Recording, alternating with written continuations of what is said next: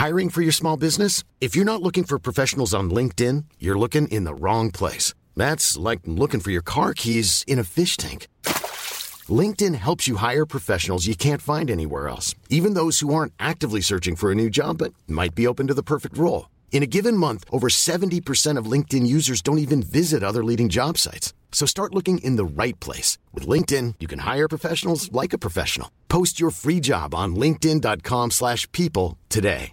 Hey, it's Ryan Reynolds, and I'm here with Keith, co-star of my upcoming film, If, only in theaters May 17th. Do you want to tell people the big news? All right, I'll do it. Sign up now and you'll get unlimited for $15 a month in six months of Paramount Plus Essential Plan on us. Mintmobile.com slash switch. Upfront payment of $45 equivalent to $15 per month. Unlimited over 40 gigabytes per month. Face lower speeds. Videos at 480p. Active Mint customers by 531.24 get six months of Paramount Plus Essential Plan. Auto renews after six months. Offer ends May 31st, 2024. Separate Paramount Plus registration required. Terms and conditions apply if rated PG. What a wonderful world. Før telte barne Jo, før telte barne tre. Det sier litt om hvor lenge det er siden vi har spilt pod. Velkommen tilbake i studio, Øystein, og velkommen til meg, først og fremst. Du har jo kjørt et slags soloshow med vår nye kollega Christian. Som har, dere er jo gode, da. Jeg nyter hver eneste episode. Jeg tror at dere treffer målgruppa til denne podkasten her, om mulig enda bedre enn når jeg er med. Kan jeg få lov til å arrestere deg på det? Altså, når, når fellesskapet fortsetter, og du velger å gå ut, så er det vel du som kjører soloshow? Det er ikke vi som kjører soloshow, hva er det du prater om? Ja, ja, det er greit. Det er greit. Altså, Nei, men det er i hvert fall veldig, veldig deilig å være tilbake, og det er utrolig deilig å ha deg tilbake, Petter Skinstad. Det er Jo, takk for det. takk for det. Noterer meg da at du da mener at det er Klæbo som er på landslaget, mens landslaget kjører solo. Så det, det, er der vi, det er det vi skal prate om i dag. Det er det. Det er, der, det er derfor vi er samla. Det er derfor vi er samla. Vi går rett på, vi smeller rett i gang. Tema, jeg vil kalt episoden, har jeg kalt noe så eh, tabloid som Skiforbundet versus Klæbo. Og, her har debatten herja gjennom sommeren, og den har intensivert seg mot høst, og når det nærmer seg vinter, nærmer seg sesong. Eh, Det er et salig rot. Og det fremstår som fullstendig gale, Mathias, hele opplegget. Eh, og jeg har samla de to smarteste jeg veit om, eh, hvert fall når det kommer til ski. til ski og langrenn. Eh, og, og jeg håper at vi kan belyse dette saken på en god måte, og jeg vil høre deres refleksjoner. Eh, og så, jeg, jeg må innrømme at jeg er litt sånn undecided. Det er veldig fort gjort, og, og det er veldig fristende å ta parti her. Jeg noterer meg at det er mange i media som har tatt parti. Eh, og jeg syns ikke det er så rett fram, jeg, altså. Men, men kan vi ikke starte med, med saken? Hva er greia her? Jeg hadde håpa, Petter, det er jo du som er den klokeste, eh, eh, kanskje, i dette podkaststudioet eh, her i dag. Kan ikke du, eh, hvis du Jeg vet ikke hvor godt du kjenner saken. Vi har ikke, vi har ikke preppa deg, selvfølgelig. Kjent stil så har vi ikke gitt deg noe forberedelse. Vi har bare tatt deg inn. Eh, men, men kan du prøve etter beste evne å, å ta oss gjennom saken her? Ja, altså Saken er jo den at Johannes Høsflot Klæbo i vår takka nei til et tilbud om landslagsplass. Og da starter jo da egentlig en prosess eh, med hvordan skal det løses rent praktisk for at Klæbo samtidig som han skal stå på utsida av landslaget, også da skal representere landslaget når sesongen starter. Og da har du jo da landslagsløpere som tilbys en landslagsavtale. Og så har du, eh, ja, la oss si Gøran Teffere, da, for å ta en løper som har vært mye inn og ut av verdenscup de siste åra, som ikke er på landslaget. Han tilbys jo da en kall det representasjonsavtale når han går verdenscuprenn.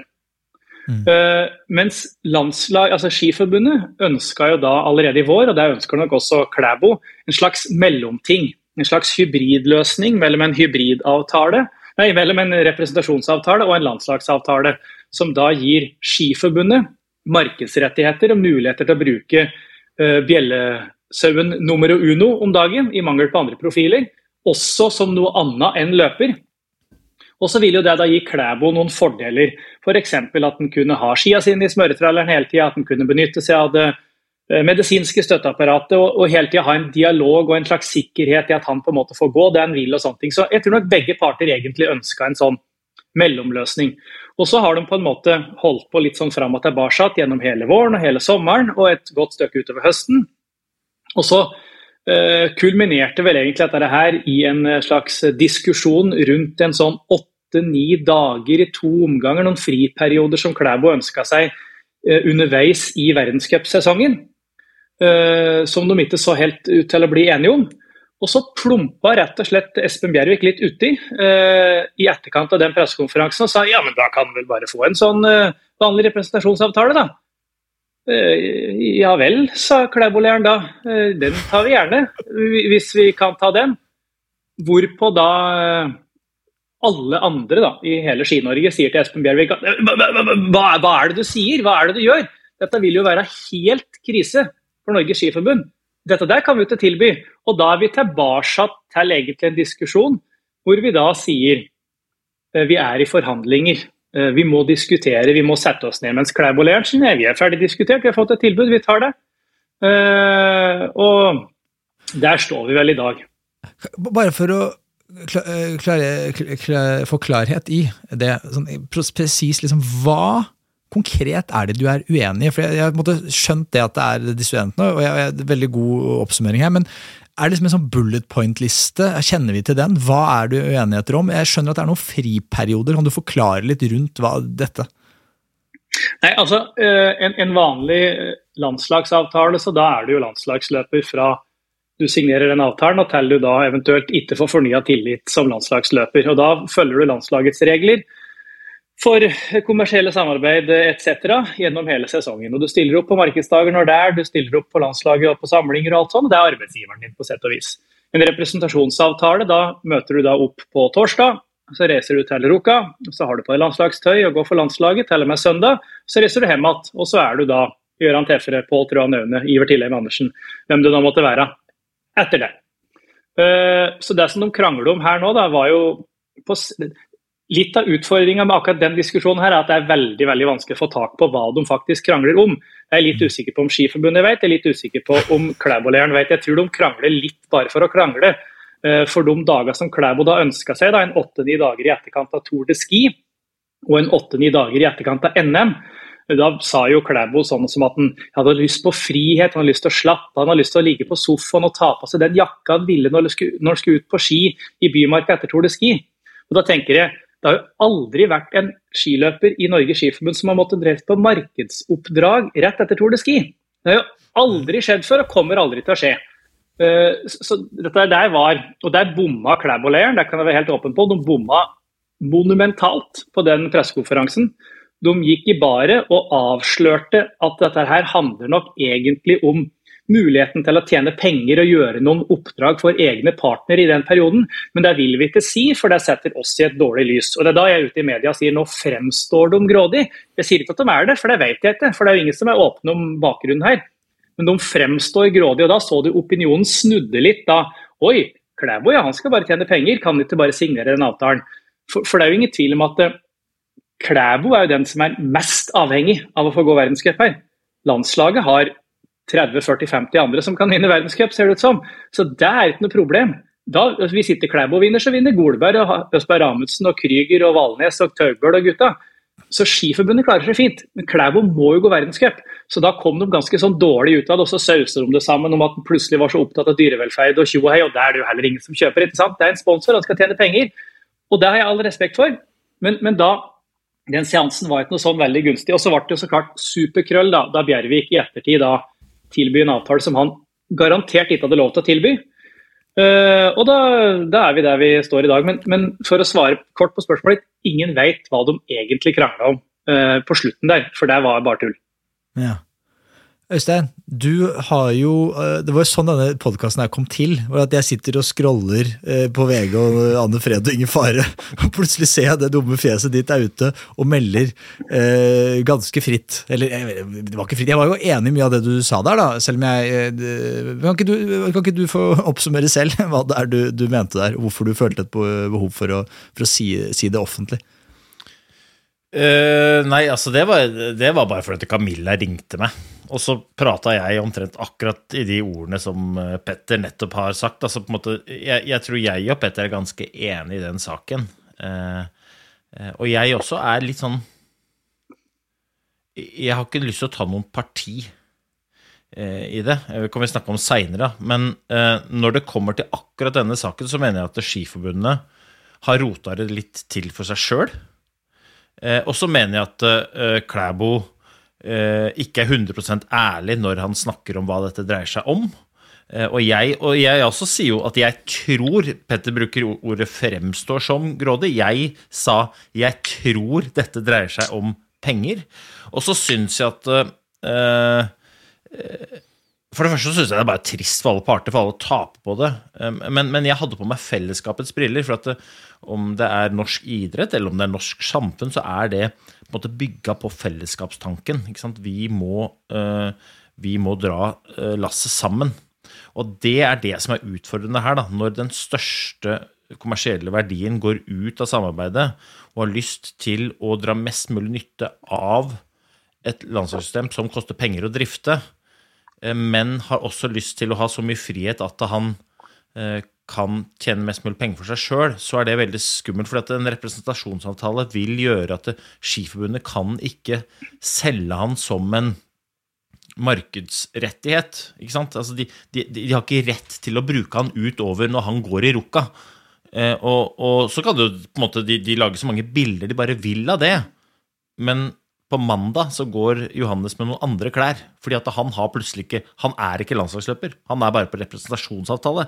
Og det er liksom Det er litt sånn skummelt her, da. Eh, men eh, Men eh, jeg, jeg, jeg ser hu, litt sånn humor i det. Altså sånn Jeg for eksempel altså, så, så, snakkes det jo om verdier, og, og, og Klæbo sier at uh, det, det, handler om hvordan man behandler folk. Og det kan godt hende at gjør, han mener at det gjør det også. Det, det, det, kan godt stemme. og Han sier at jeg kan ikke stå for Skiforbundets verdier. og det er sånn, uh, Vi kan godt diskutere om Skiforbundet har opptrådt i henhold til verdiene. Det kan vi godt diskutere. Men hvis man ser på verdiene til Skiforbundet, så, så har jeg veldig vanskelig for at det er sjukt mange som rekker opp hånda og sier akkurat de verdiene der sånn, frivillighet, lojalitet, eh, demokrati altså, Det er verdier som det, nok, det, klinger nok greit i de fleste miljøer. Eh, og så eh, får jo da Klæbo spørsmål om hvilke verdier han selv har lyst til å stå for. Og da svarer han Nå husker jeg ikke ordrett, så her kan leieren til Klæbo sende en puck i knesen på ham, men han svarer vel noe i retning om at det har jeg bestemt meg for å ikke prate om. Og det er sånn Da, i lys av konteksten, så tenker jeg eh, Kan det være at de verdiene har benevnelsen NOK eller euro eller dollar i seg? Det vet jeg ikke. Men det er sånn Jeg har reist rundt, jeg, er heldig, jeg reiser rundt, møter masse selskaper, ulike selskaper, og eh, jeg er jo ærlig på at det er ikke alle ansatte som vet om verdiene til selskapene de jobber i. Men jeg har til gode å møte det selskapet som på spørsmål om hvilke verdier har dere, svarer det vil vi ikke, det vil vi ikke snakke om. det, det, ja. men, men, for å ta liksom, uh, Klæbo litt litt i forsvar, hans, liksom, hans, egen uh, Sånn jeg har skjønt det, så sier han jo selv dette med verdier, det er riktig. Og så, og så tenker jeg der, så er det sånn, det blir kanskje litt enkelt å si For jeg tror ikke Klæbo-leiren heller har noe imot Skiforbundets verdier på papiret. Men jeg tror det handler om det første i det du sa der, at de mener at Skiforbundet over tid ikke har fulgt sine egne verdier. Og det er jo til syvende og sist hva du gjør, som folk rundt liksom forholder seg til.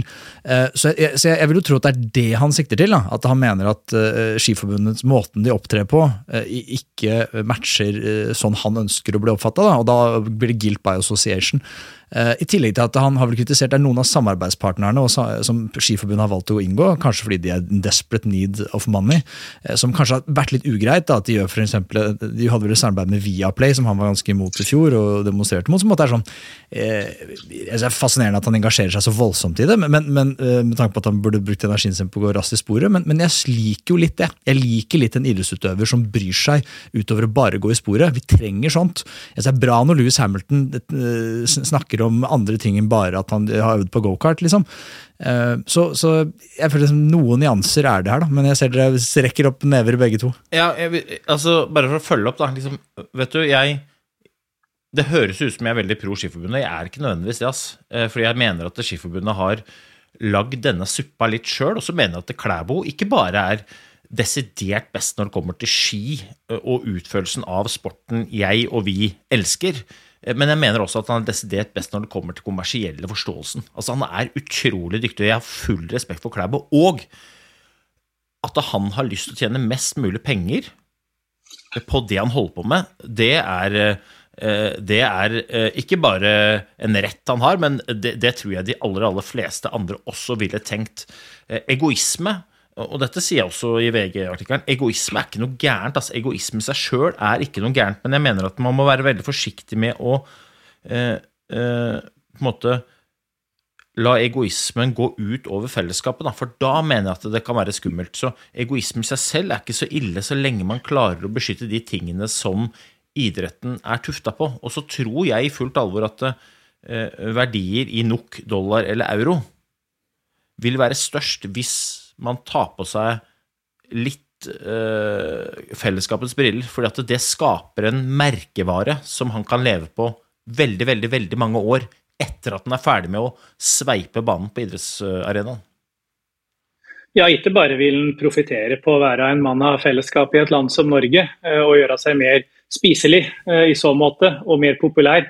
Men rent kynisk, rent egoistisk, så er jo Johannes Høstflot Klæbo og alle andre skiløpere tjent med et sterkest mulig skiforbund. Et eh, skiforbund som har mest mulig midler til rådighet til smøring, til forskning, til utvikling. For det vil også komme Klæbo til gode. Vi har jo hatt skismørings- og slipeprosjekter eh, delfinansiert av Norges Skiforbund gående inn mot de siste OL-a, der Norge har gjort rent i alt som har hatt med, med, ski og brett å gjøre, og vunnet utrolig mange medaljer.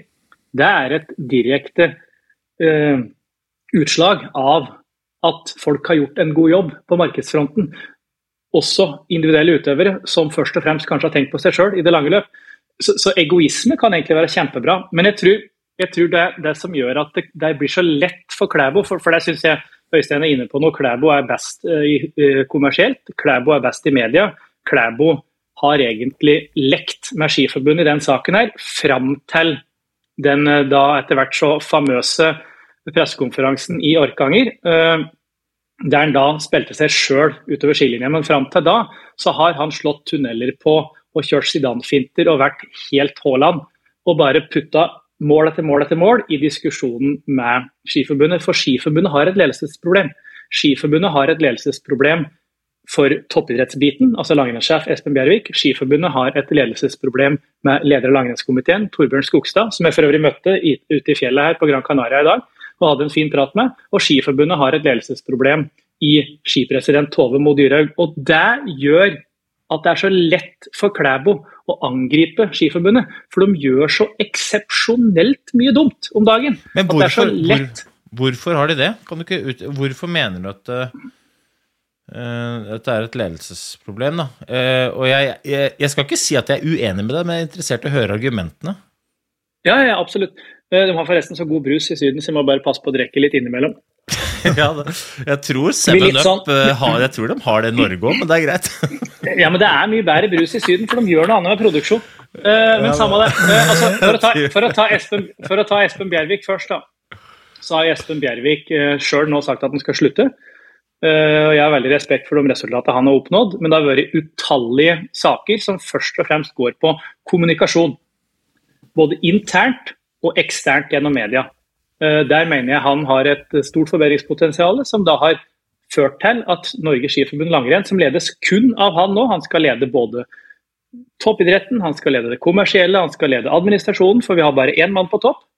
Eh, han har et utfordring med tanke på ledelse. Vi har en eh, langrennskomitéleder, altså styrelederen i norsk langrenn. De har jo så mye teite titler, men altså han som er styreleder i norsk langrenn, Torbjørn Skogstad, Fantastisk fyr. Veldig flink, egentlig, men han er helt usynlig.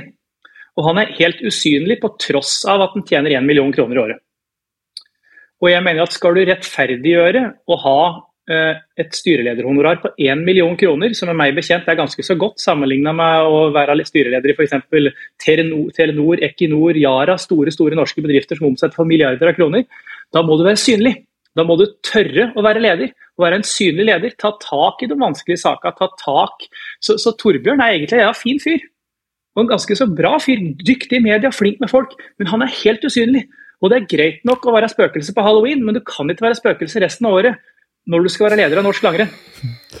Hvor, hvorfor tror du Dette resonnerer hos meg. Hvorfor er han så usynlig, tror du? Hvis han er så flink og har evne til å være tydelig og synlig, er det, er det en form for Er det, er det kameraderi?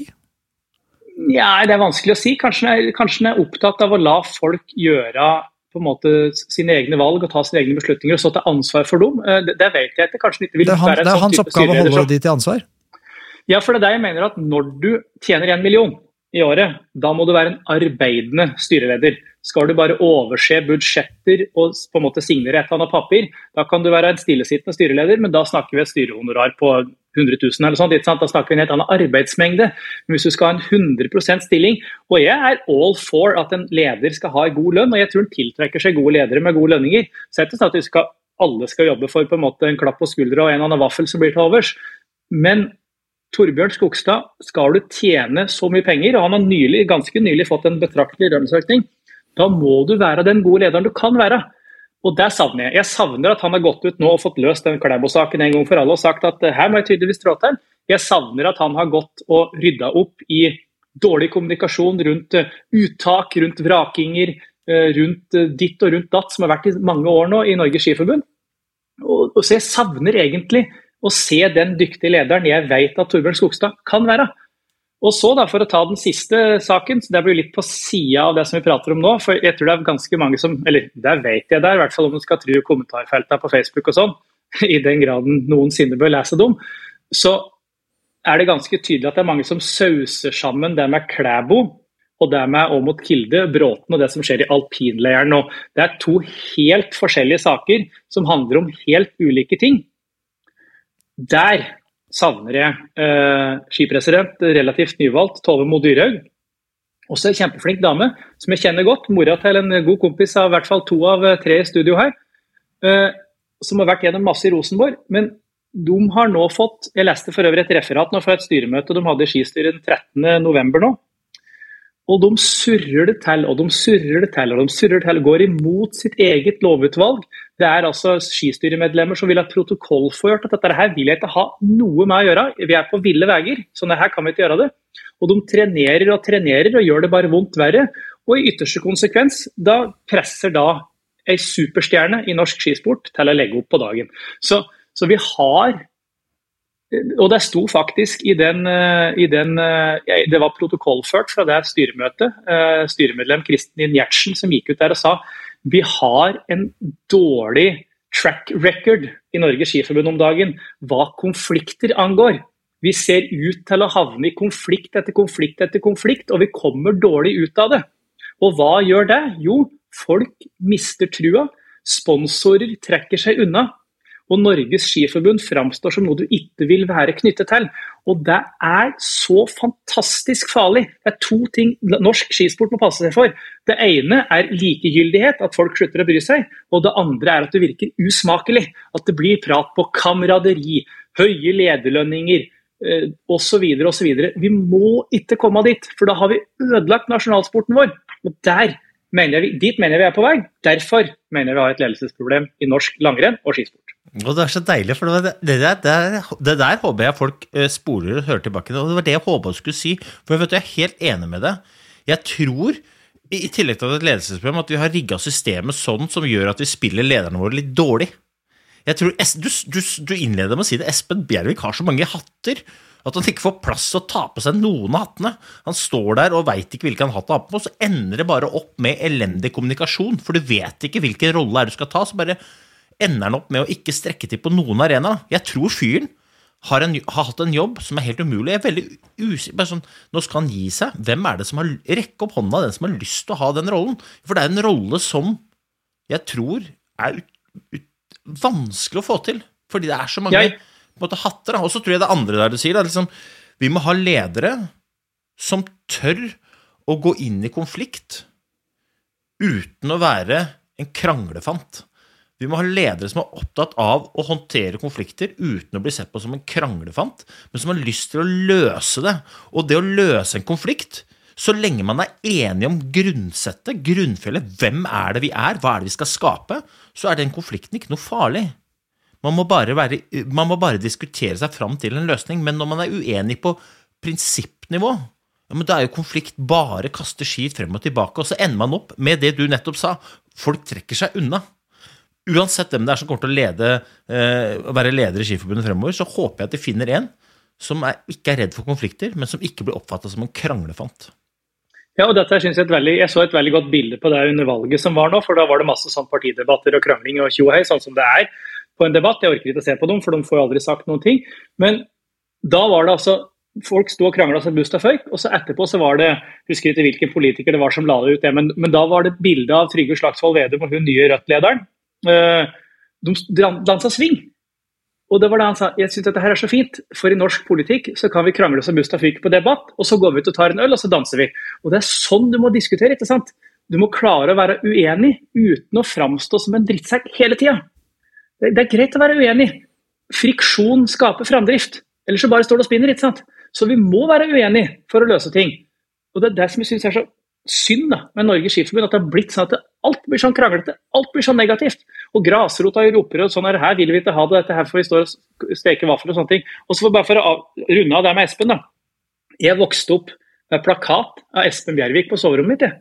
Espen Bjervik var på et landslag da som jeg hadde plakat av på, på soverommet mitt sammen med Oddbjørn Hjelmeset. Jeg tror til og med det var et rekruttlag. Espen Bjervik var en fantastisk god skiløper, har vel til og med verdenscupseier. Og er i utgangspunktet en kjempefin fyr. Det, det, er ikke det det handler om. Jeg har ikke noe mot Espen Bjervik som person, men han har endt opp med å få to-tre jobber samtidig, og burde bare hatt én. Så når Espen Bjervik nå skal erstattes, så mener jeg at Norges Skiforbund må ta seg råd til å ansette to. For det går ikke an å ansette én. For det har ikke fungert. Du må ansette to personer. Så kan du f.eks. da ansette en, en, karismatisk markedsmann eller -dame til å jobbe som en kommersiell leder og jobbe med å skape entusiasme og giv blant sponsorer og partnere. Norges Skiforbund har mer eller mindre hatt en inntektssvikt de siste åra. Jo da, det er kanskje litt mer penger i året nå enn det var i 2015 og 2012, og sånne ting. men ting er det jaggu mye dyrere òg, da.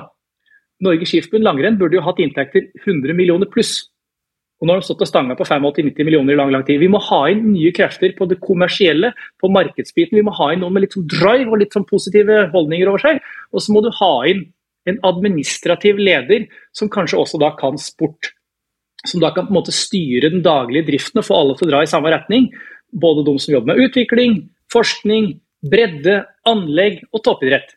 For eksempel. Det kan godt hende det finnes andre løsninger her, men, men det er i hvert fall ingen tvil om at Espen Bjervik, som du sier, så mange hatter er det ikke mulig å ha på seg på en gang. Han har fått en umulig jobb, som en dels har på en måte tatt på seg sjøl. Men det har gjort at det har blitt helt oppløst. Mm. Det, er, det, er gøy å høre dere prate. Dere er gode, fine refleksjoner begge. og jeg, jeg, jeg, Som sagt, jeg sitter, har sittet litt på gjerdet når jeg hører den diskusjonen herje i media. Men når jeg hører deg snakke, Petter, så slår det meg noe jeg har tenkt. da, og det er denne langrennskomiteen du snakker om, det er jo et organ som jeg ikke har noe forhold til. Jeg tror veldig få som er sofafans, altså meg, som ikke har vært med i sporten og vært på landslag osv., vi har ikke noe forhold til langrennskomiteen. Og det slår meg som et unødvendig organ. Hva, nummer én, kan noen, noen for dette rommet fortelle meg hva langrennskomiteen skal gjøre, og hva den gjør? Altså, Langrennskomiteen er jo da Norsk langrenns styre. Det er da et valgt styre der du da har eh, ja, seks-sju representanter eller sånne ting. Jeg lurer på om du har en utøverrepresentant og litt sånn der òg. Så har du en leder på topp. Hver enkelt gren i Norges Skiforbund har en sånn komité. Så du har en hoppkomité, en alpinkomité. Ja. Og så har du da ledere i den komiteen har da automatisk en plass i skistyret, som er Skiforbundets styre. Der sitter da en valgt president på topp. Det første, Hvis jeg hadde fått lov til å bestemme noe i norsk langrenn, så tror jeg det første jeg hadde gjort, var at eh, den presidenten Presidenter det er sånn som du har i USA og Nato og sånne ting.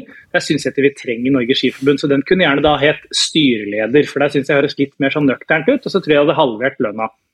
Og så vil jeg framfor å ha en generalsekretær, som vel heter Arne Baumann eller noe sånt nå, som tok over for Hu Brettenberg, Eh, han er da en slags eh, daglig leder, egentlig, da, på Skiforbundet da, sentralt, på hovedkontoret der. Lederen for all daglig drift der. Og Han heter da generalsekretær. ikke sant? Altså, vi har to generalsekretærer i Norge. Da. Det er vel da han, og så er det Jens Stoltenberg, da, som er det i Nato. Så vi, vi, må slutte med sånne titler. Det er jo kanskje det viktigste. da.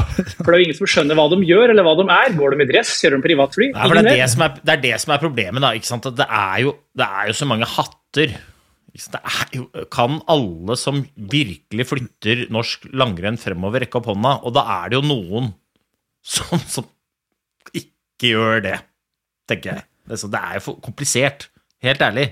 Dette er det jo Det er jo det er to stykker i Norge som skjønner dette systemet, og begge heter Skinstad til etternavn.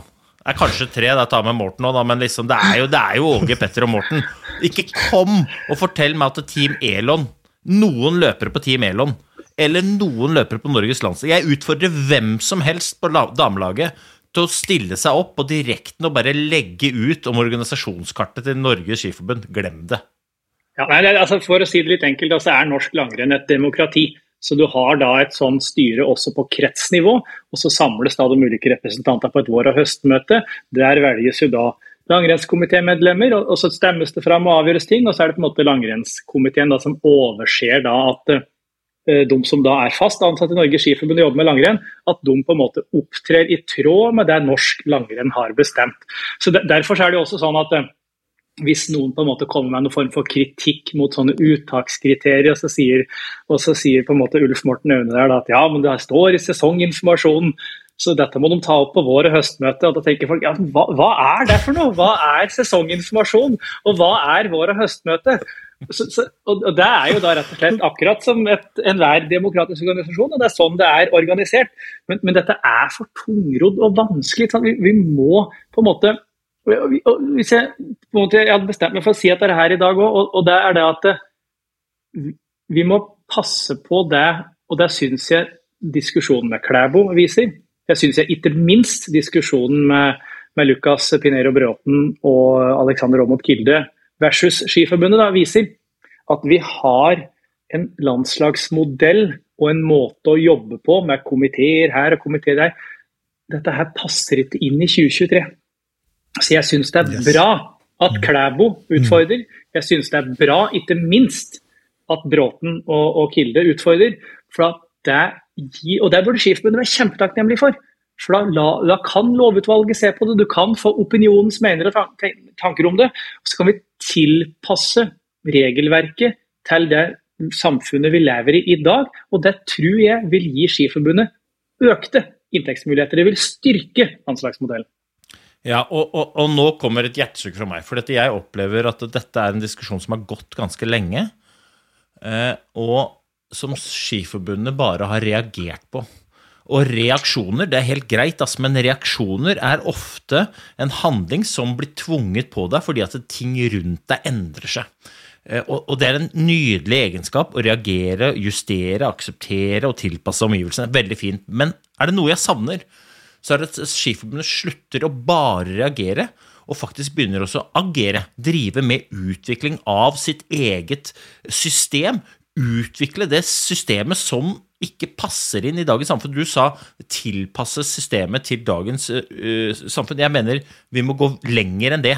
Jeg, jeg savner at Skiforbundet setter seg ned og begynner å styre skuta si. For nå så opplever jeg at de er bakpå. Og de er bakpå gang etter gang etter gang etter gang, istedenfor sette agendaen, drive med utvikling, og se gjerne litt fremover i tid. For det, det er som du sier, sånn som samfunnet er nå, ja, det er det nå. Og da er det for seint å begynne å lage samfunn, systemet til sånn som det er nå. For når, når de har kommet med sitt system for sånn som det er nå, så har verden gått videre. Og da er vi allerede bakpå igjen. Vi må være frempå oss. Og dette er jo det idrett Dette er jo det eh, altså utøverne og, og, og trenerne og støtteapparatet Dette er jo det, dette er egentlig spisskompetansen til Skiforbundet være i forkant av idretten. Du ser det på eh, hopp, du ser det på langrenn, du ser det på alpint. altså de leverer jo fantastiske resultater, og de har utøvere og de har trenere som er f- i forkant av utviklinga. Ta med det dere driver med, inn på innsiden av huset og utvikl modellen. Ikke slutt å reagere, begynn å agere. Og det slo meg altså når du Jeg kommer jo fra det private næringslivet her, og, og det er jo ingen profittmaksimerende bedrifter som ønsker å få til noe, som organiserer seg slik som du beskrev at Skiforbundet er organisert. Det, og, det, og jeg tror virkelig at det eneste De eneste tingene som, som det passer å organisere seg sånn på, det er når det kommer til menneskerettigheter. sånn Ting som ikke endrer seg, ting som er konstante, ting vi ikke ønsker masse dynamikk i. Men når du skal drive med, med noe som er kompetitivt, noe som, som er i utvikling, så kan du ikke være organisert på samme måte som FN. FN bør være organisert sånn, for vi, vi, ja, menneskerettigheter er universelle, og de skal ikke endre seg. Vi skal slåss for at alle skal få de, og det er fint at det skal være jævlig vanskelig å få endra på noe. Når du driver med, med, med, med noe som eh, Husk at det er, det er, det er konkurranse med alle andre idretter, ikke sant? men det som er problemet, og som vi ser, er at de ligger jo langt bak. Det, og hvis ikke de, og som du sa, det, For det, det har vært litt mitt, min tanke her. Når jeg sitter på utsiden og sett på, så har jeg sett i det siste at Klæbo-leiren der har fått mye kritikk. Så tenker jeg sånn, det bor et narrativ her om at Klæbo gjør akkurat det du sa der, Petter. at han har, Jeg tror han fra han første gang han kom inn i Skiforbundet, så tror jeg han og den leiren hans, for de, for de fremstår som lynende intelligente og oppegående folk, Klæbo selv, men også teamet hans. Og jeg tror de har tenkt det fra dag én, at dette, dette greiene her, det er en sirumpa gjeng med folk, og det kommer til å være tungt å skulle være med her. Men fordi han har vært så fokusert på å bli best, så har han tenkt at ok, jeg, jeg har ikke tid til å endre verden nå. I hvert fall ikke skiverden. Jeg, kan, jeg, må, må, jeg, må, vinne først. Og når jeg får en posisjon, og det kommer en sesong hvor det ikke er mesterskap, og jeg har lite å tape, da skal jeg jaggu meg bruke posisjonen min, og skal jeg framprovosere endring. Fordi han er en av de få som har den makten. og dessverre er det sånn, Hvis, hvis Sindre Bjørnstad Skar, som, nydelig mann, fantastisk god skiløper, hadde vært på alle andre landslag enn det norske landslaget, hvis han hadde gått ut og sagt at jeg gidder ikke å være på landslaget. Hvis ikke dere endrer modellen deres, hvis ikke dere ser, ser, ser dere selv litt i speilet, så hadde ingen brydd seg. Det hadde ikke vært en eneste VG-artikkel. Men fordi at Johannes Klæbo er, er, er gullkalven i, i, norsk idrett, iallfall en av få, så, så, lytter folk, da. Og det blir en debatt. Og den debatten som vi har, det at vi sitter og snakker om dette nå, det hadde vi ikke gjort mindre det var Johannes Klæbo som gjorde det. Og jeg mener det er dritviktig at han gjør det, og jeg, og jeg, jeg syns at det må vi hylle litt. Fordi, ja, Jeg tror litt på Klæbo når han sier at det, det, hadde vært enklere for meg å bare signert den dumme avtalen. Jeg hadde, vært, jeg hadde, hatt mer enn nok penger, jeg kommer til å klare meg fint resten av livet. og Jeg hadde hatt sikkert en bedre stand, jeg hadde ikke ofra omdømmet mitt i media. Men så, så, tror jeg litt på han når, når han sier at men denne saken er viktig. Noen må også, Og så er jeg for så vidt enig med deg, da, Petter, at han, han, kunne sagt det vi snakker om nå. Hadde han sagt det, så hadde jeg gitt stående applaus og bare sagt faen, det er så bra. Eh, men det er kanskje vanskelig å si det på den måten og likevel ha gjennomslag. jeg vet ikke, Da røper han litt kortene sine, kanskje. Her er det sikkert noen mediestrateger på det laget der som, som har tenkt gjennom dette. Jeg, jeg vet ikke. Ja, men hvorfor, hvorfor vil han tape på det? Altså, er, ikke, er ikke det det å være, være, helt åpen om egen agenda, ok, greit, kanskje det er egoistisk, men samtidig, det er jo egoistisk med fellesskapets briller på. Det er ikke så ille, det. Si faen, dette må vi ordne på en bedre måte, hvis ikke så kommer alle til å tape på det og dere mest? Ja, altså Jeg tror hvis Klæbo bare hadde vært ærlig og sagt at jeg syns det skal være lettere for en landslagsløper å tjene penger på private partnere, og at vi må utvikle en modell som legger til rette for det. Så Det er jo, det er jo en fair take. Altså, det går i hvert fall an å diskutere det. Du kan være enig, du kan være uenig. Men når det blir liksom sånn, du får liksom ikke helt tak på hva det er de diskuterer, så da kommer du heller ikke videre, for da får du ikke noen god diskusjon. Og da sitter de på en måte og forhandler uten å ha noe å forhandle om, for de vet ikke hva de forhandler om, noen av parten. Så, men altså, hvis en klarer å se litt altså, For jeg syns jo Norges Skiforbund langrenn det, det, og Norges Skiforbund i det hele tatt, det blir liksom litt for OL 1994. Det, det, blir liksom litt se ilden lyse og vetter og greier her, altså. Og henger igjen fra 1994, og så ser du på en måte andre idretter. Det er liksom fullt kjør, og det er Superbowl, og det er Drive to Survive, og det er Netflix, og det er ditt og det er datt. ikke sant? Det er så tregt og gammeldags. Og så er jo egentlig idretten dritkul, så det trenger ikke å være sånn. Og Hvis en ser da f.eks. på fotball Jeg tenkte på det jeg var ute og løp i dag. Lionel Messi har vært den viktigste utøveren for Adidas på fotballsko i mange, mange, mange år. Nå er han i Inter Miami, spiller med Adidas-drakt og Adidas-sko, er helt konge. Og det er jo klart at det der har jo da Min bekjente Bjørn Gulden, som er sjef i Adidas, vært inne og trukket litt tråder og styra, slik at Adidas skal tjene mest mulig penger på det. Men da han spilte på Barcelona, så hadde de Nike-drakter. Og motsatt. Cristiano Ronaldo, på en måte den andre i den diskusjonen om hvem av dem som var best gjennom tidene og best til enhver tid, han spilte på Real Madrid med Adidas-drakt og var Nike sin stjerne med Nike-sko. Så det går jo an å ha to tanker i huet på en gang. Det er fullt mulig for Klæbo, for Lukas Bråten, for Alexander Aamodt Kilde å tjene penger som individuell utøver på et lag, selv om du også representerer fellesskapet. Og det, på sett og vis, for, for, meg så er det på en måte det det bunner ned i. da, Hvor individuell kan en individuell løper være som en del av et fellesskap? og, og jeg mener at jeg tror Norges Skiforbund hadde 431 millioner i, i, inntekter i 2022, med både kommersielle inntekter og masse lisenser og påmeldinger. Det burde vært en milliard. De burde tjent dobbelt så mye. Og det tror jeg aldri de klarer uten å utvikle seg. For uh, som uh, det er vel Trond Nystad som bruker å si det, enten så utvikles du, eller så avvikles du. Og dette der er veldig enkelt. Du må utvikle seg. Du må ja. henge med i tida. Uten å innvikle akkurat det.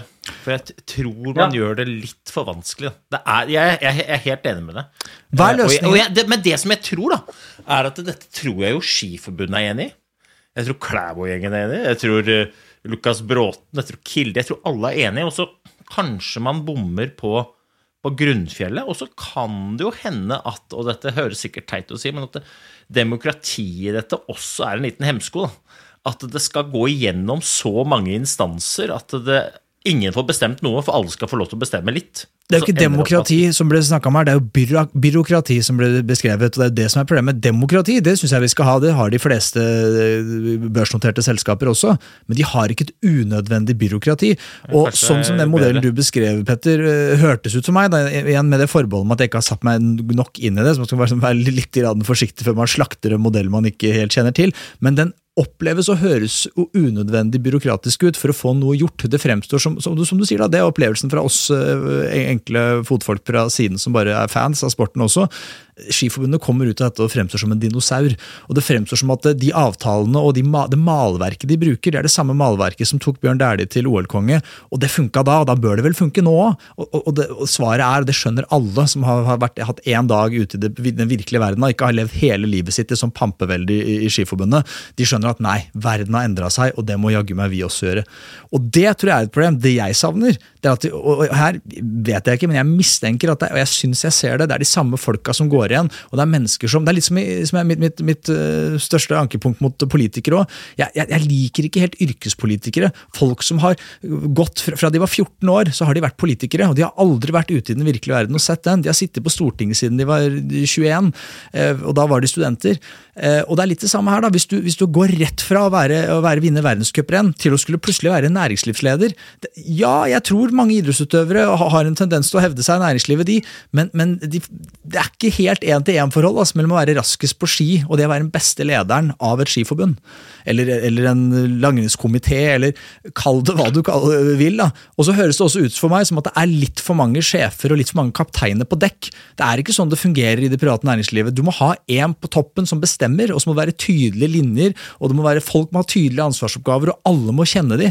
Og, de, og folk må være synlige, som du beskriver at det er en, en, en styreleder av langrennskomiteen som da skal være over i Bjervik. Altså det Bjervik skal ha, Han har i hvert fall vært synlig. Han tør å stå der, han tør å ta beslutninger og eie de. Og det må vi jaggu meg hylle, da. Eh, og så mener jeg også at det er rett, og jeg, det savna jeg. Jeg, jeg syns han burde ha gått for lenge siden. Og igjen, jeg kjenner han ikke personlig, han er helt sikkert en nydelig mann, men, men han, han var åpenbart uskikka for den jobben. Og da må man gå. Eh, og, og, og, jeg tror også, det har vi snakka om Øystein på, på kammerset, at jeg tror, jeg gjentar det dere sa, jeg tror ikke det er fordi han fundamentalt har dårlige egenskaper som leder. Jeg tror det er fordi han ble satt i en posisjon hvor han var dømt til å feile.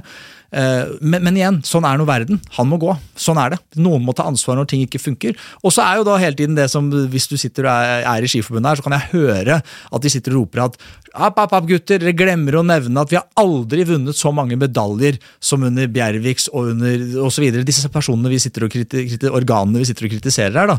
Det er jo ingen organer i norsk idrett eller i historie som har vunnet så mye medaljer og hatt så gode resultater. Så det, det er jo argumentet imot. Men jeg tror tror ikke det skyldes godt, god ledelse. Det skyldes at vi har så vanvittig eh, godt motiverte skiløpere i det landet her. Bare, og det er så mange som ønsker å bli så gode, sammenligna med alle andre land. Og det er et numbers game. Hadde Kina hatt den samme motivasjonen i sin befolkning, så hadde de vært sjakkmatt, sannsynligvis.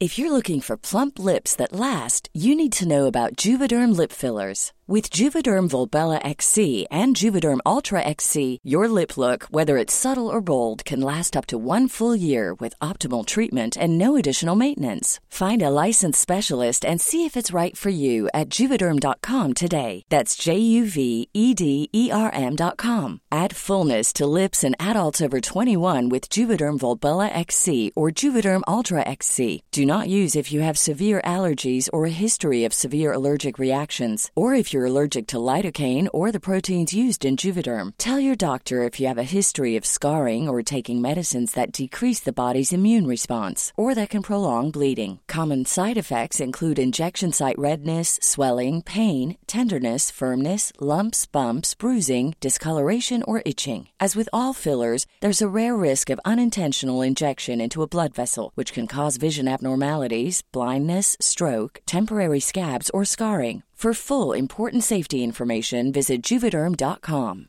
Hey, it's Ryan Reynolds, and I'm here with Keith, co star of my upcoming film, If, only in theaters, May 17th. Do you want to tell people the big news? All right, I'll do it. Sign up now and you'll get unlimited for $15 a month in six months of Paramount Plus Essential Plan on us. Mintmobile.com slash switch. Upfront payment of $45 equivalent to $15 per month. Unlimited over 40 gigabytes per month. Face lower speeds. Videos at 480p. Active Mint customers by 531.24 get six months of Paramount Plus Essential Plan. Auto renews after six months. Offer ends May 31st, 2024. Separate Paramount Plus registration required. Terms and conditions apply if rated PG. Jeg tror du pirker borti noe viktig. Jeg tror kanskje den målsettinga er litt viktig. Liksom at man er tydelig fra toppen på hva er det man faktisk skal skape. Hvis man har et sånn tydelig mål på toppen, så håper jeg at det skaper sånn og Hvis det målet er felles, da, så håper jeg at det skaper felles øh, forventning, felles begeistring. Liksom noe vi kan samle oss mot og rundt og tenke ja, men dette skal vi få til. Men et mål er jo også en forpliktelse.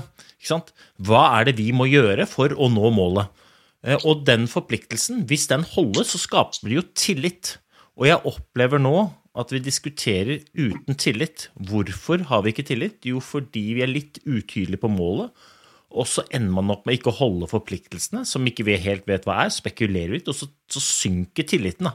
Og når man ikke har tillit, ja, men da har man jo ikke relasjoner. Dette er jo kultur på, på, i, pakka inn i en slide fire, med fire ord. Ikke sant? Og, og det savner jeg litt, da. Så liksom jeg skulle ønske at det no...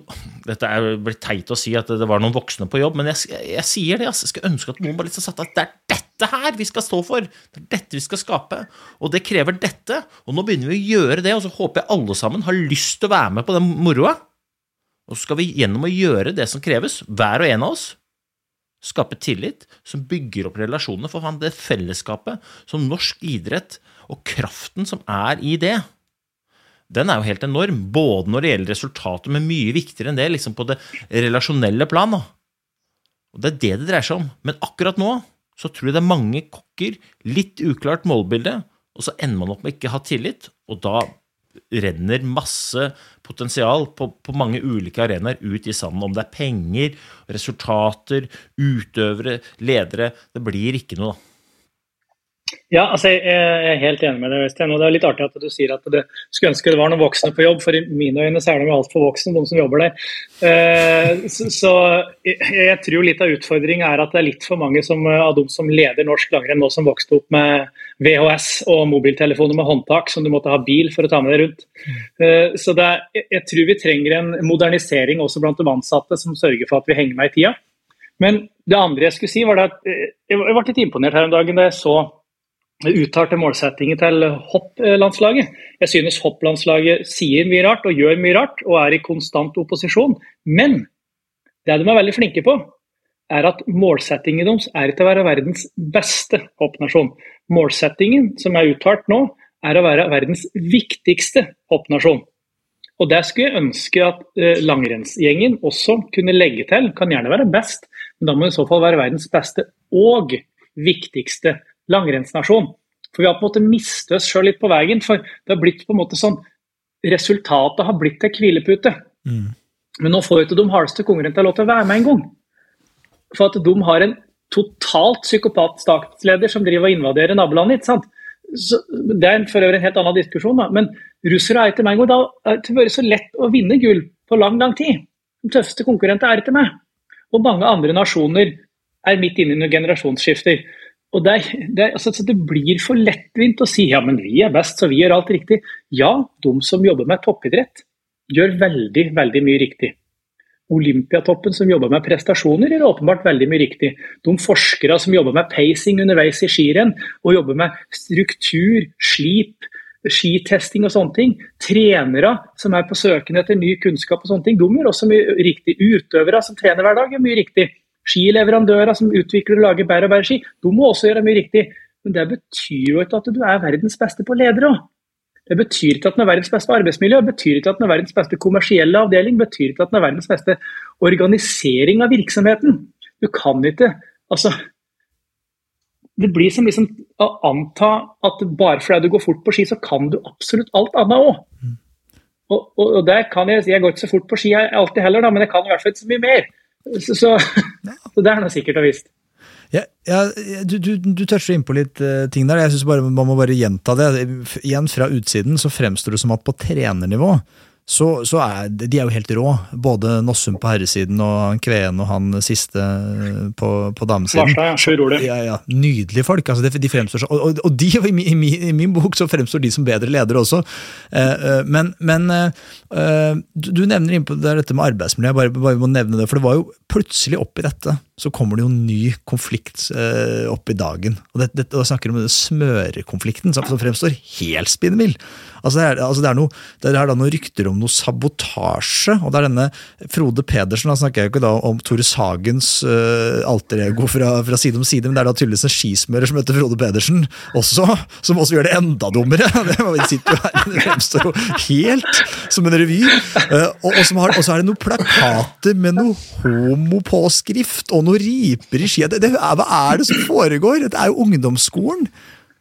Har, har, du, har du lyst til å svare, Øystein? Altså, jeg, Jeg, svarer, jeg vet ikke. Jeg tror ikke det er noen som Nei. vet. Det er, jeg har ikke, men jeg er helt enig med det. Det fremstår som ungdomsskolen, og jeg veit ikke om det er sant, eller om det er fleip, eller om det er overdrevet. Ingen anelse, men jeg er helt enig med det.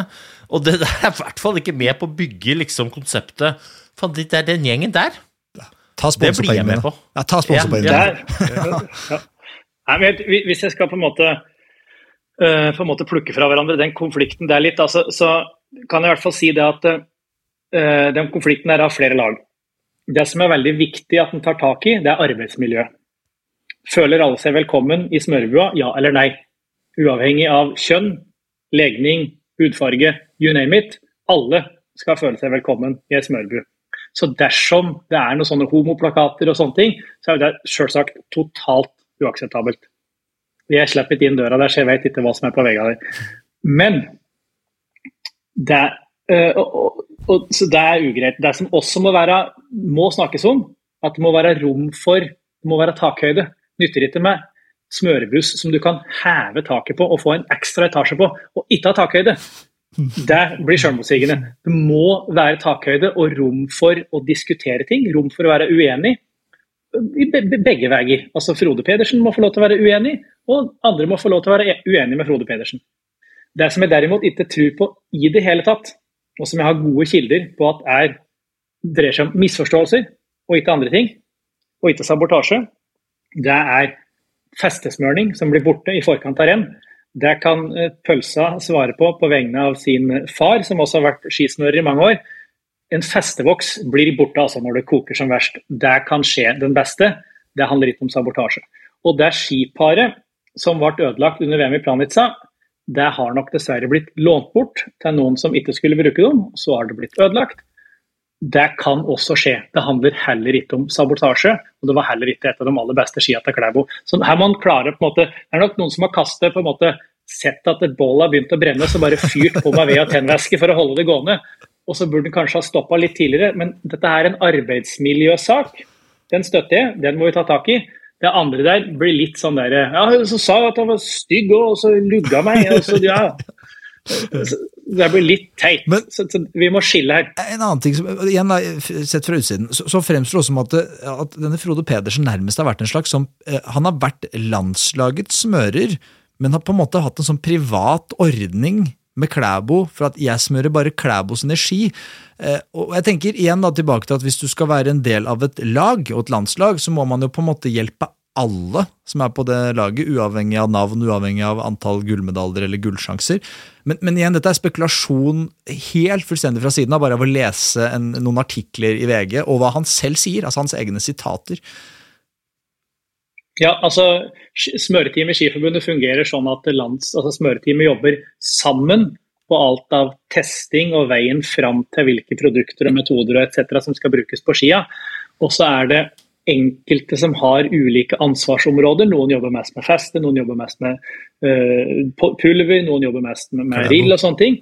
Og, og, ja, men samtidig så har den enkelte smører hver sine løpere. så Sånn som du Øystein, du hadde delte sikkert smører da med type Vibeke eller Astrid eller noe sånt, eller kanskje en annen herreløper. Så det er vanlig at en løper har Uh, en smører som også har ansvar for et par andre. Jeg tipper Frode Pedersen har også hatt ansvar for en dameløper eller en annen herreløper. og sånne ting, uten at jeg skal si det sikkert. Men han har også hatt en egen avtale med Klæbo, som Klæbo har finansiert sjøl. Som har bidratt til at han har da jobba ytterligere for Klæbo med testing og sånne ting. Det er, det er bare for at løperne skal ha én å forholde seg til.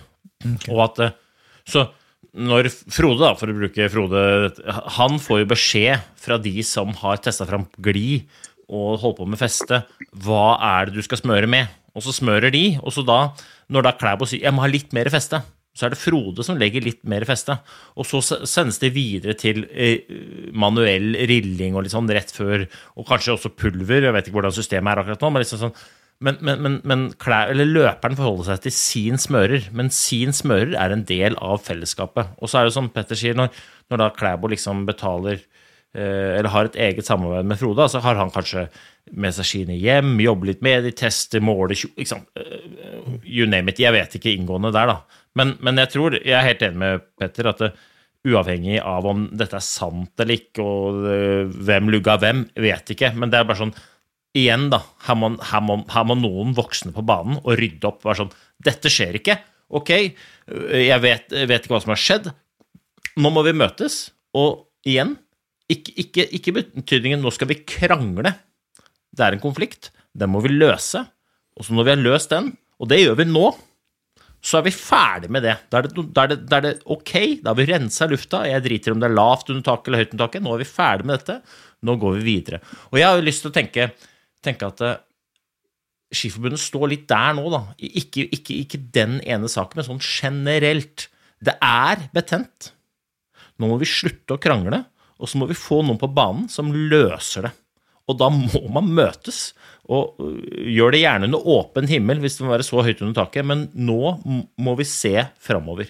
Nå må vi ikke fortsette å, å, å, reagere og drive med brannslokking, og at noen står på siden og kaster på litt mer køl, og noen som har lugga noen i et eller annet sånn. Nå må vi slutte å krangle, løse konflikten basert på et felles ønske om å få til. Og der tror jeg Er det noe Skiforbundet har som sterk side, så er det at det, det er kun folk som er glad i idretten, som står rundt denne konflikten. Så det er ingen som ikke ønsker idretten vel. Ok, det er et kjempegodt utgangspunkt. Nå må vi bli enige. Og da har jeg lyst til å kaste inn liksom Hvem er det? Og da kan dere komme med forslag. Hvem er det dere tenker kan være sånn Jeg har noen gode, har noen gode, har noen gode navn på blokka som løser dette. Hvem er det som skal ta over nå? Hvem er det som løser dette? For vi kan jo si at per dags dato da, så ser jeg ingen som allerede sitter på innsiden, som er the go to person for å si vi samles, nå fikser vi det. Og vi går ikke før vi har fiksa det. Hvem, hvem, hvem kommer inn nå?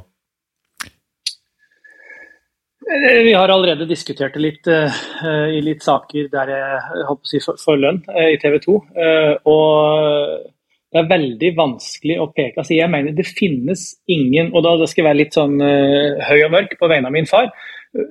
fordi jobben som Espen Bjervik har nå, er på sett og vis laga av og for Åge Skinstad. Og det finnes bare én Åge Skinstad, på godt og vondt. Uh, og, bra er det. Men den jobben utvikla han sammen med sine kolleger i Skiforbundet fra han tok over som langrennssjef i 2007. Uh, eh, da var han sportssjef. Og ble etter hvert da, altså Han hadde ansvar for sport, og så ble han etter hvert en slags daglig leder. Og hadde da Bernt Halvard Olderskog som kommersiell leder, han hadde Vidar Løfshus som en sportslig leder. Han hadde vel eh, ja, så hadde det noen sånn administrasjonssjefer. og var Det, det ble bygga en organisasjon som fungerte helt utmerket da, med de folka som var der. Og så har det på en måte glidd ut i etterkant.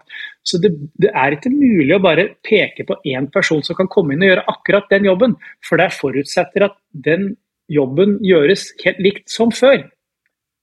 Og, vi ønsker jo ikke det. Vi ønsker utvikling her. ikke sant? Så jeg tror du kan Det finnes også kandidater internt.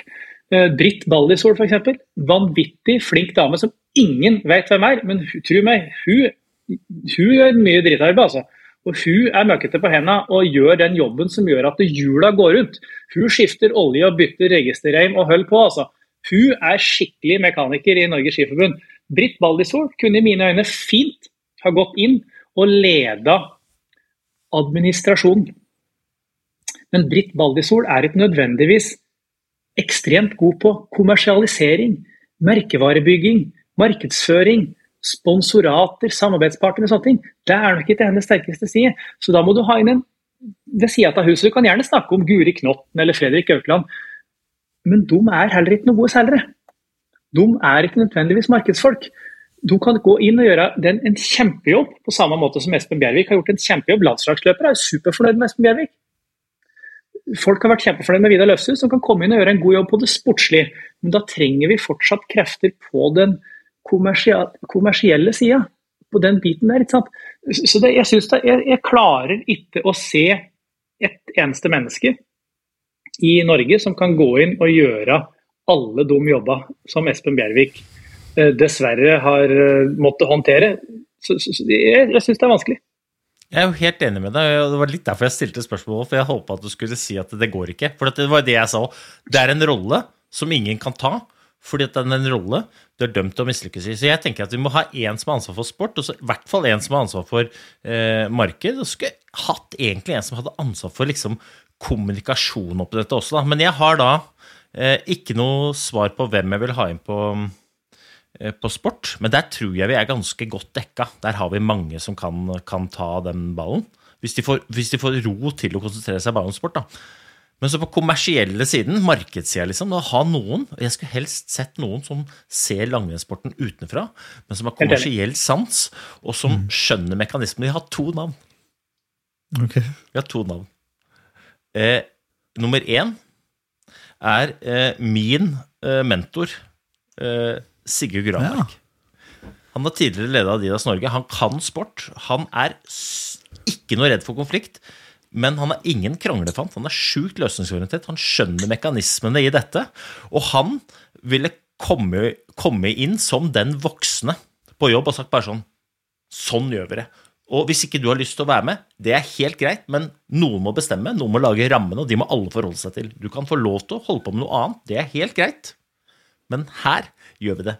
Og hvis ikke Sigurd har lyst til å ta det, så kaster jeg inn et annet navn, og det er Hans Olav Ingholm. Det er en fyr som ikke kan noe om idretten, men som er kreativ nok til å skjønne markedskreftene, og som også, hvis han blir gitt et mandat om vær voksen, kommer til å være voksen. Vet du? Ja, De to det er sånn, tror jeg kunne gjort utrolig mye bra. Og det, det, det er helt sjukt at jeg sitter her og sier det, men jeg mener det. I lys av det som foregår, så trenger vi noen som kan løse konflikter, skape verdi for fellesskapet og for samarbeidspartnerne. For vi må ikke glemme at det er jo Vi må lage et produkt som de, de rundt, de som betaler gilder, tenker dette tjener jeg på. Og det tror jeg de to kan fikse. Ja, jeg, jeg, er helt, helt, enig med deg, Øystein, når du sier at vi må ha inn noen fra utsida. Jeg tror aldri behovet har vært større for at du skal Altså, vi kan ikke gå inn i en idrettshall, og så står det bare folk med røde Swix og kraftjakker og dæljakker, og så ser du det rundt. Så hvem av de her skal vi velge nå, mon tro?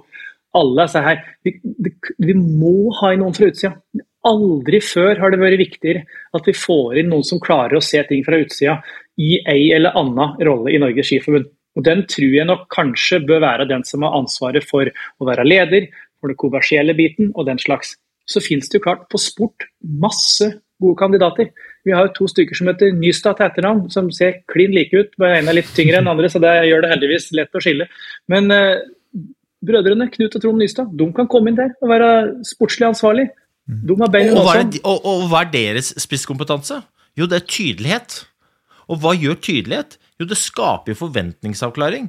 Og forventningsavklaring rundt en, en forpliktelse til et mål. Ja, men da er jo alle enige om hva vi skal gjøre. Og hvis alle gjør det vi har blitt enige om, så skaper det tillit, og da får du plutselig relasjoner. Faen, tenk deg Nystad, da. Faen, om det er i Sotsji eller om det er i Falun. Når det blåser, så sier han til resten av smørbussen bare sitt inne og tar livet helt med ro. Jeg går ut, og så bare tar jeg det. Og når det går bra, så ser hun ikke. Faen. Sånne ledere trenger vi. Ja, det er jo smigrende at du nevner, nevner meg. Jeg, jeg, jeg, jeg tror vi er enige vi på at løsningen er at det må noen eksterne til verket når det kommer til det administrative og til det kommersielle og til, til tydelighet og alt det der. Eh, det- og Sigurd Granmark det tror jeg er et kjempenavn. Eh, Jeg håper det er en VG-sak i morgen når vi våkner opp. at Sigurd Granmark, han, Og han har jo pondusen til det. og alt sånt. Jeg er bare redd han tjener litt for godt på foredragsvirksomheten til at han, han er villig til å akseptere den pay decreasen jeg tror Ja, men apropos, apropos, land, apropos landslagsmodell, da, må han få en avtale som gjør at han kan holde litt foredrag på si. Det, jo, det må jo være helt topp.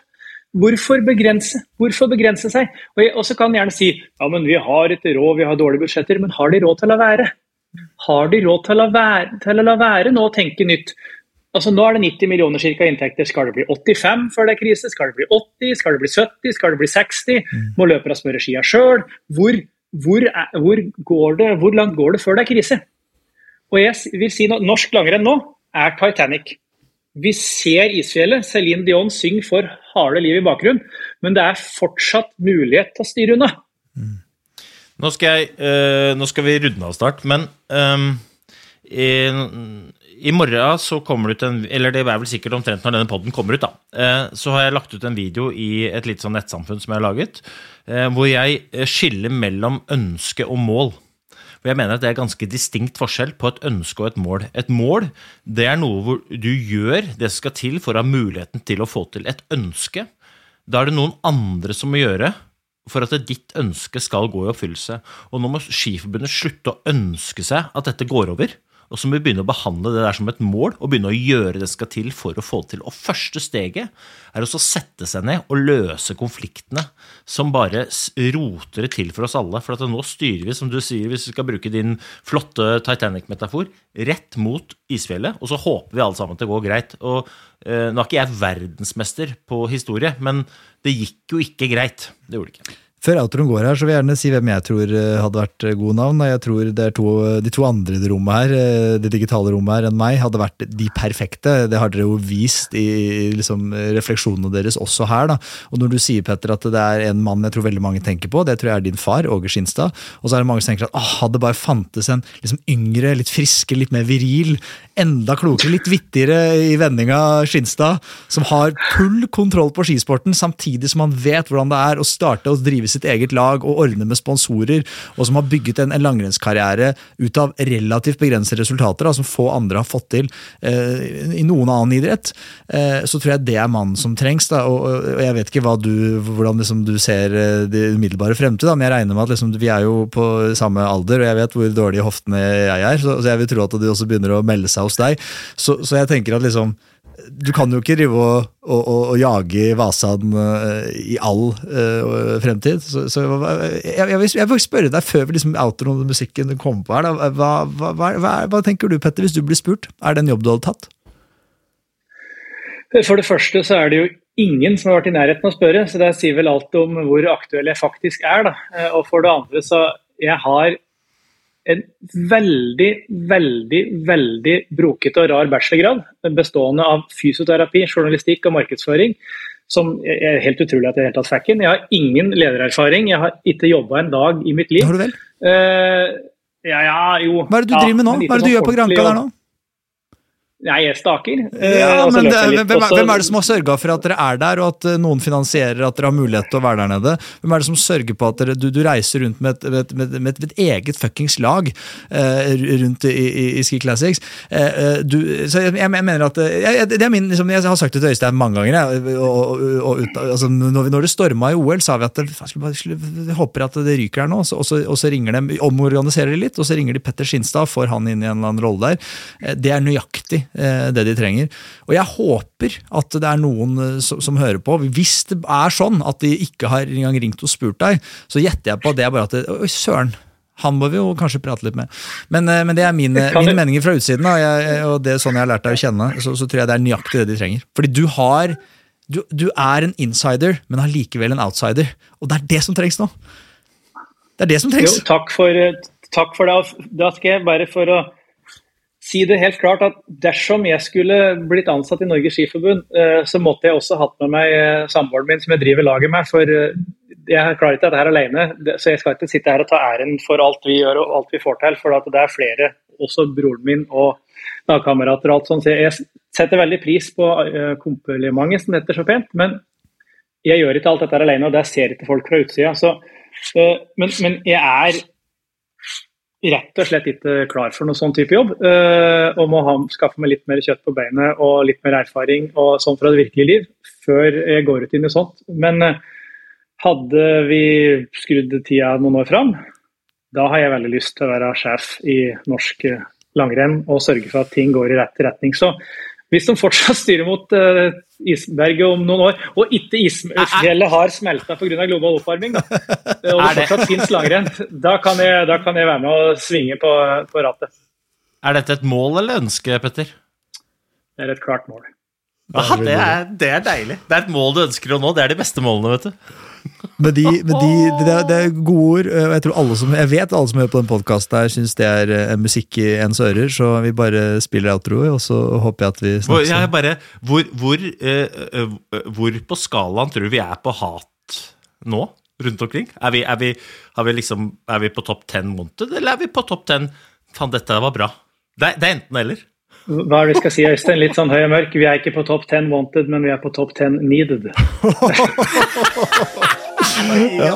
Vi snakkes, sånn Kos deg på Granka, Petter. Øystein, alltid Jeg møtte. Torbjørn Skogstad i dag. Bare venner. Alt bra. Ja, det er veldig bra. Oi, oi. Ha det bra. Ha det.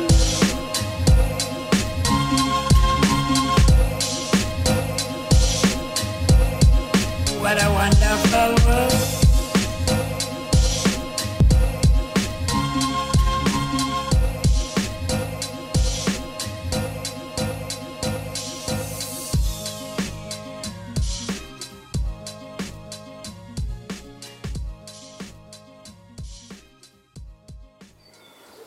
Gode dager.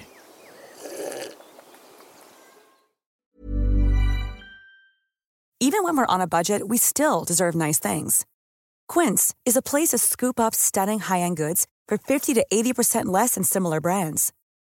They have buttery soft cashmere sweaters starting at $50, luxurious Italian leather bags, and so much more. Plus, Quince only works with factories that use safe, ethical, and responsible manufacturing. Get the high-end goods you'll love without the high price tag with Quince. Go to quince.com slash style for free shipping and 365-day returns. Imagine the softest sheets you've ever felt. Now imagine them getting even softer over time. That's what you'll feel with Bowl and Branch's organic cotton sheets. In a recent customer survey, 96% replied that Bowl and Branch sheets get softer with every wash. Start getting your best night's sleep in these sheets that get softer and softer for years to come. Try their sheets with a 30-night guarantee. Plus, get 15% off your first order at bowlandbranch.com. Code BUTTERY. Exclusions apply. See site for details.